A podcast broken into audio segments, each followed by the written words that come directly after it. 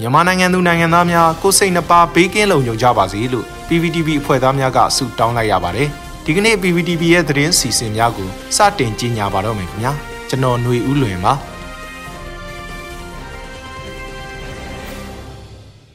ပထမဆုံးအနေနဲ့ COVID-19 ကမ္ဘာကူးစက်ရောဂါပြန်ပွားမှုထိန်းချုပ်ရေးနဲ့ပတ်သက်ပြီးအမျိုးသားညီညွတ်ရေးအစိုးရယာယီသမရဒူဝါလရှိလာကပြည်သူတွေကိုမိန့်ခွန်းပြောကြားခဲ့တဲ့သတင်းကိုတင်ဆက်ပေးသွားမှာဖြစ်ပါတယ်။ အခုလက်ရှိကပ်ရောဂါတတိယလိုင်းရောက်လာတဲ့အခါမှာတော့နိုင်ငံတော်အာဏာကိုလူယူထားတဲ့စစ်အာဏာရှင်ရဲ့စီမံခန့်ခွဲမှုညံဖြစ်နိုင်ရင်စီမံခန့်ခွဲနိုင်တဲ့အရေးချင်းမရှိတာရင်ပြည်သူလူထုရဲ့အသက်အိုးအိမ်စီးစိမ်ကိုကာကွယ်လိုစိတ်မရှိတာတွေကြောင့်အခုဆိုရင်ယောဂပြန်ပွားမှုနှုန်းဟာထိမ့်မနိုင်သိမ်းမရဖြစ်နေပြီလို့ယာယီသမရာကြီးကမိန့်ခွန်းထဲမှာထည့်သွင်းပြောကြားခဲ့ပါတယ်။ဆက်လက်ပြီးလက်ရှိတိုင်းပြည်ရဲ့အခက်အခဲတွေကိုကြည့်ပြီးမြို့သားညီညွတ်ရေးအစိုးရအနေနဲ့ပြည်သူလူထုရဲ့အသက်အန္တရာယ်ကာကွယ်ရေးလုံခြုံရေးအတွက်စီမံဆောင်ရွက်လျက်ရှိကြောင်းနဲ့ အမျိုးသားညီညွတ်ရေးအစိုးရယာယီသမ္မတဦးဆောင်တဲ့ COVID-19 ရောဂါကာကွယ်ရေးထိန်းချုပ်ရေးနဲ့ကုသရေးကော်မရှင်ကိုဖွဲ့စည်းကစတင်ဆောင်ရွက်နေပြီလို့လည်းပြောကြားခဲ့ပါတယ်။ COVID-19 ရောဂါကူးစက်ပြန့်ပွားမှုကိုထိန်းသိမ်းနိုင်မှုအတွက်အမျိုးသားညီညွတ်ရေးအစိုးရဟာ UN အပါအဝင်သက်ဆိုင်ရာနိုင်ငံတကာအဖွဲ့အစည်းများနဲ့ညှိနှိုင်းဆောင်ရွက်နေပြီးကာကွယ်ဆေးများအချိန်မီရောက်ရှိနိုင်မှုကာကွယ်ဆေးများစနစ်တကျထိုးနှံနိုင်မှုနိုင်ငံတကာကိုအကူအညီတောင်းပြီးဆောင်ရွက်နေတယ်လို့လည်းဆိုပါတယ်။ စစ်အာဏာရှင်တွေရဲ့ထိန်းချုပ်တားဆီးမှုကြောင့်အမျိုးသားညီညွတ်ရေးအစိုးရရဲ့စ조사လှုပ်ဆောင်မှုတွေဟာအများကြီးကန့်သက်ခံရပြီးနိုင်ငံတကာအကူအညီတွေနှောင့်နှေးနေရတာလို့လည်းယာယီသမ္မတကြီးကပြောဆိုခဲ့ပါတယ်။ပြည်သူလူထုအနေနဲ့ကျန်းမာရေးနဲ့ပတ်သက်တဲ့ပညာရှင်တွေကျန်းမာရေးဝန်ထမ်းများရဲ့လမ်းညွှန်ချက်တွေကိုလိုက်နာပေးကြဖို့မလိုအပ်ဖဲပြင်ထွက်တာမျိုးမလိုအပ်တဲ့စွန့်စားမှုမျိုးတွေမလုပ်ကြဖို့ ပြည်သူလူထုကြက်တဲနေတဲ့အချိန်မှာဈေးနှုန်းတွေမတန်တဆဈေးတင်ရောင်းတာအမျက်ကြီးစားတာမျိုးတွေလည်းရှောင်ကျဉ်ကြဖို့ယောဂနဲ့ပတ်သက်လာရင်လူမျိုးမရွေးဘာသာမရွေးလူကြီးလူငယ်မရွေးပါတီနိုင်ငံရွေးမရွေးလူသားစိတ်အပြည့်နဲ့အချင်းချင်းရိုင်းမင်းကြဖို့လည်းယာယီသမ္မတကြီးကမေတ္တာရက်ခံခဲ့ပါတယ်။ ဒါ့အပြင်လိုအပ်တဲ့နိုင်ငံတကာအကူအညီနဲ့လူသားချင်းစာနာထောက်ထားမှုအကူအညီတွေကိုရနိုင်အောင်လဲအမျိုးသားညီညွတ်ရေးအစိုးရအနေနဲ့နေမအားညမအားအာသွန်ခွန်ဆိုင်စ조사လှုပ်ဆောင်လျက်ရှိပြီးရှေ့ဆက်ပြီးတော့လည်းဆက်လက်လှုပ်ဆောင်သွားမယ်လို့ပြည်သူလူထုကိုကတိပြုပြောကြားခဲ့ပါတယ်ခင်ဗျာ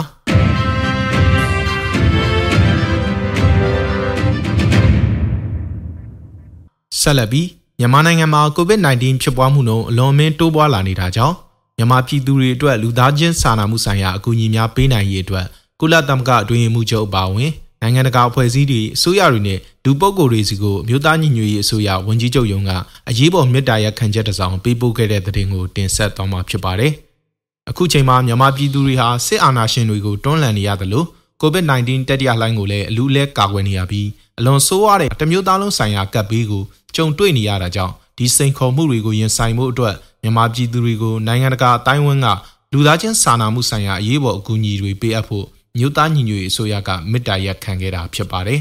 ။လူပေါင်း9,45000ကျော်ဟာအကူအညီလိုအပ်နေပြီး3,3600ကျော်မှာစစ်ဘေးဒဏ်ကိုအပြေးရှောင်နေရတယ်လို့အ ਨੇ ဆုံးလူပေါင်း6.2တန်းမှာအစအစာပြက်လက်မှုတွေကြုံတွေ့နေရတယ်လို့မေတ္တာရပ်ခံစာမှာဖော်ပြထားတာတွေ့ရပါတယ်။ တရားမဝင်စစ်ကောင်စီရဲ့ညံပြင်းလာတဲ့စီမံခန့်ခွဲမှုကြောင့် COVID-19 တတိယလှိုင်းရဲ့ပြင်းထန်သောရိုက်ခတ်မှုဟာမထိန်သိမ်းနိုင်တော့တဲ့အခြေအနေကိုရောက်ရှိနေပြီးတေဆုံးမှုများမှာလည်းတိုးပွားနေတယ်လို့ဆိုပါတယ်ဆေးရုံတွေမှာလူနာများအတွက်အိပ်ယာများမလုံလောက်ခြင်းနဲ့ကိုဗစ်ရောဂါကူးစက်သူများကိုကုသရန်ညှင်းဆန်ခြင်းများအပါအဝင်အောက်ဆီဂျင်ပြတ်လတ်မှုများလည်းတဖြည်းဖြည်းပုံမှုဆိုးရွားလာနေတယ်လို့ပြီးစာမှာဖော်ပြထားတာတွေ့ရပါတယ်။ စစ်ကောင်စီကအောက်ဆီဂျင်ထုတ်လုပ်မှုများနဲ့အောက်ဆီဂျင်ထုတ်လုပ်တဲ့စက်ပစ္စည်းများကိုလူမဆန်စွာပိတ်ပင်တားဆီးပြီးတိမ့်ပိုက်ထားတာကိုလည်းထည့်သွင်းဖော်ပြထားပါတယ်။နိုင်ငံတကာမှချက်ချင်းကူညီဆောင်ရွက်ပေးမှုမရှိခဲ့ရင်မြန်မာနိုင်ငံဟာမျိုးကွဲရောဂါတဲ့အပါအဝင် COVID-19 ပြန်ပွားစေတဲ့အဓိကနိုင်ငံတစ်ခုဖြစ်လာနိုင်ပြီးမြန်မာပြဿနာဟာဒေတာရင်းနဲ့တကဘာလုံးရဲ့ကျန်းမာရေးဆိုင်ရာကပ်ရောဂါကိုပြန်လည်ဖြစ်ပွားလာစေမဲ့နိုင်ငံငယ်တစ်ခုဖြစ်လာနိုင်တာကြောင့်နိုင်ငံတကာအတိုင်းအဝန်းမှာကောင်းမွန်စနစ်ကြတဲ့ဝင်ရောက်ဆွတ်ဖက်မှုတွေကိုအမြန်ဆုံးဆောင်ရွက်ပေးဖို့လဲ တောင်းဆိုထားတာတွေ့ရပါတယ်။မြို့သားညီညွတ်ရေးအစိုးရအနေနဲ့အမျိုးသားအဆင့် COVID-19 ကာကွယ်ထိန်းချုပ်ကုသရေးကော်မရှင်နဲ့လက်တွဲလှုပ်ဆောင်ပြီး COVID-19 ကာကွယ်ဆေးကိုအမြန်ဆုံးရရှိနိုင်ရေးကြိုးပမ်းဆောင်ရွက်လျက်ရှိပြီးတိုင်းရင်းသားအဖွဲ့အစည်းများဒေသဆိုင်ရာအဖွဲ့အစည်းများနဲ့လက်တွဲပြီးဆောင်ရွက်နေတယ်လို့လည်းအဆိုပါမေတ္တာရပ်ခံစာမှာဖော်ပြထားပါတယ်ခင်ဗျာ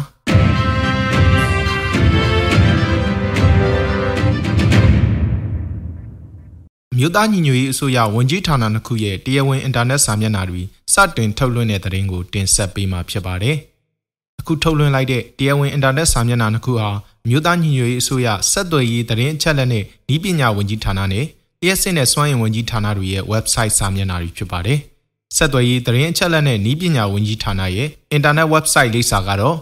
mocid.nugmyanmar.org ဖြစ်ပြီးရက်စစ်နဲ့စွမ်းအင်ဝန်ကြီးဌာနရဲ့ website လိပ်စာကတော့ moe.nugmyanmar.org လို့သိရပါတယ်။မြို့သားညီညွတ်ရေးအစိုးရအဖွဲ့ဝန်ကြီးဌာနများရဲ့ website များအားလုံးကို nugmyanmar.org ကတဆင့်ဝင်ရောက်ကြည့်ရှုနိုင်ပါတယ်။ဒီ website တွေမှာသက်ဆိုင်ရာဝန်ကြီးဌာနဝန်ကြီးတွေရဲ့ကိုယ်ရေးအချက်လက်တွေလုပ်ငန်းဆောင်တာတွေမိန့်ခွန်းတွေဝန်ကြီးဌာနတစ်ခုချင်းစီရဲ့အကြောင်းတွေဌာနဖွဲ့စည်းပုံလက်ရှိလုပ်ကိုင်နေသောလုပ်ငန်းတွေစီရင်ခန်းစာတွေကိုပြည်သူလူထုသိရှိဖို့အင်္ဂလိပ်မြန်မာနှစ်ဘာသာနဲ့ဖော်ပြထားတယ်လို့သိရပါတယ်။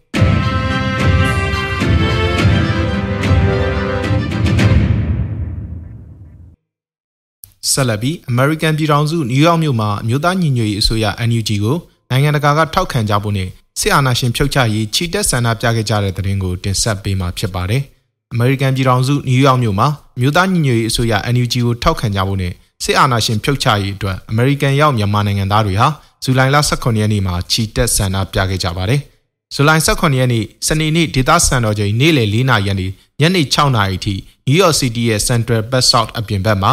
ဗိုလ်ချုပ်အောင်ဆန်းကအစာပြုပြီးဒီကနေ့ຫນွေဦးတော်လှန်ရေးဂျန်စီသူရဲကောင်းတွေအထိခေတ်အဆက်ဆက်မြန်မာပြည်ရဲ့လွတ်လပ်ရေးနဲ့ဒီမိုကရေစီရေးအတွက်တိုက်ပွဲဝင်ရင်းကြာဆုံးသွားကြတဲ့အာဇာနည်တွေအတွက်အောင်းမေ့ပွဲနှစ်ပတ်လည်အခမ်းအနားကိုကျင်းပခဲ့ကြတာဖြစ်ပါတယ်။အာဆီယံနိုင်ငံတွေကိုစစ်အကြမ်းဖက်အဖွဲ့အစည်းပေါ်မပန့်ဘူးပဲပြည်သူတွေကရွေးချယ်တင်မြှောက်ထားတဲ့ NUG အစိုးရကိုသာထောက်ခံပေးဖို့လည်းတောင်းဆိုခဲ့ကြတာပါ။အဲဒီဆန္ဒပြပွဲတွေကို GMSR အဖွဲ့သားများနဲ့ NYCBC တို့မှပူးပေါင်းဆောင်ရွက်ပြီး နယူးယောက်စီးတီးနဲ့အတူတခြားကမ္ဘာနိုင်ငံအသီးသီးရှိမြို့ကြီးများမှာလည်းသက်ဆိုင်ရာနိုင်ငံတွေရဲ့သတ်မှတ်ထားသောအချိန်တွေမှာကျင်းပပြုလုပ်ခဲ့ကြတယ်လို့သိရပါတယ်။ကမ္ဘာရရက်ကအဝေးရောက်မြန်မာပြည်သူပြည်သားတွေဟာပြည်တွင်းမှာတိုက်ပွဲဝင်နေတဲ့မြန်မာပြည်သူတွေနဲ့အတူရောက်ရှိနေတဲ့နေရာဒေသကွာခြားနေကြပေမဲ့သွေးချင်းညီကိုမောင်နှမတွေတသွေးတဲ့တသားတဲ့စီလုံးညီညွတ်မှုကိုပြသဖို့ရည်ပဲပြီးအင်ကြီးအဖြူစင်သူဝတ်ဆင်ကစန္ဒပြခဲ့ကြတာဖြစ်ပါတယ်။ရေတော်ဘုံအောင်ရမည်ရေတော်ဘုံအောင်ရမည်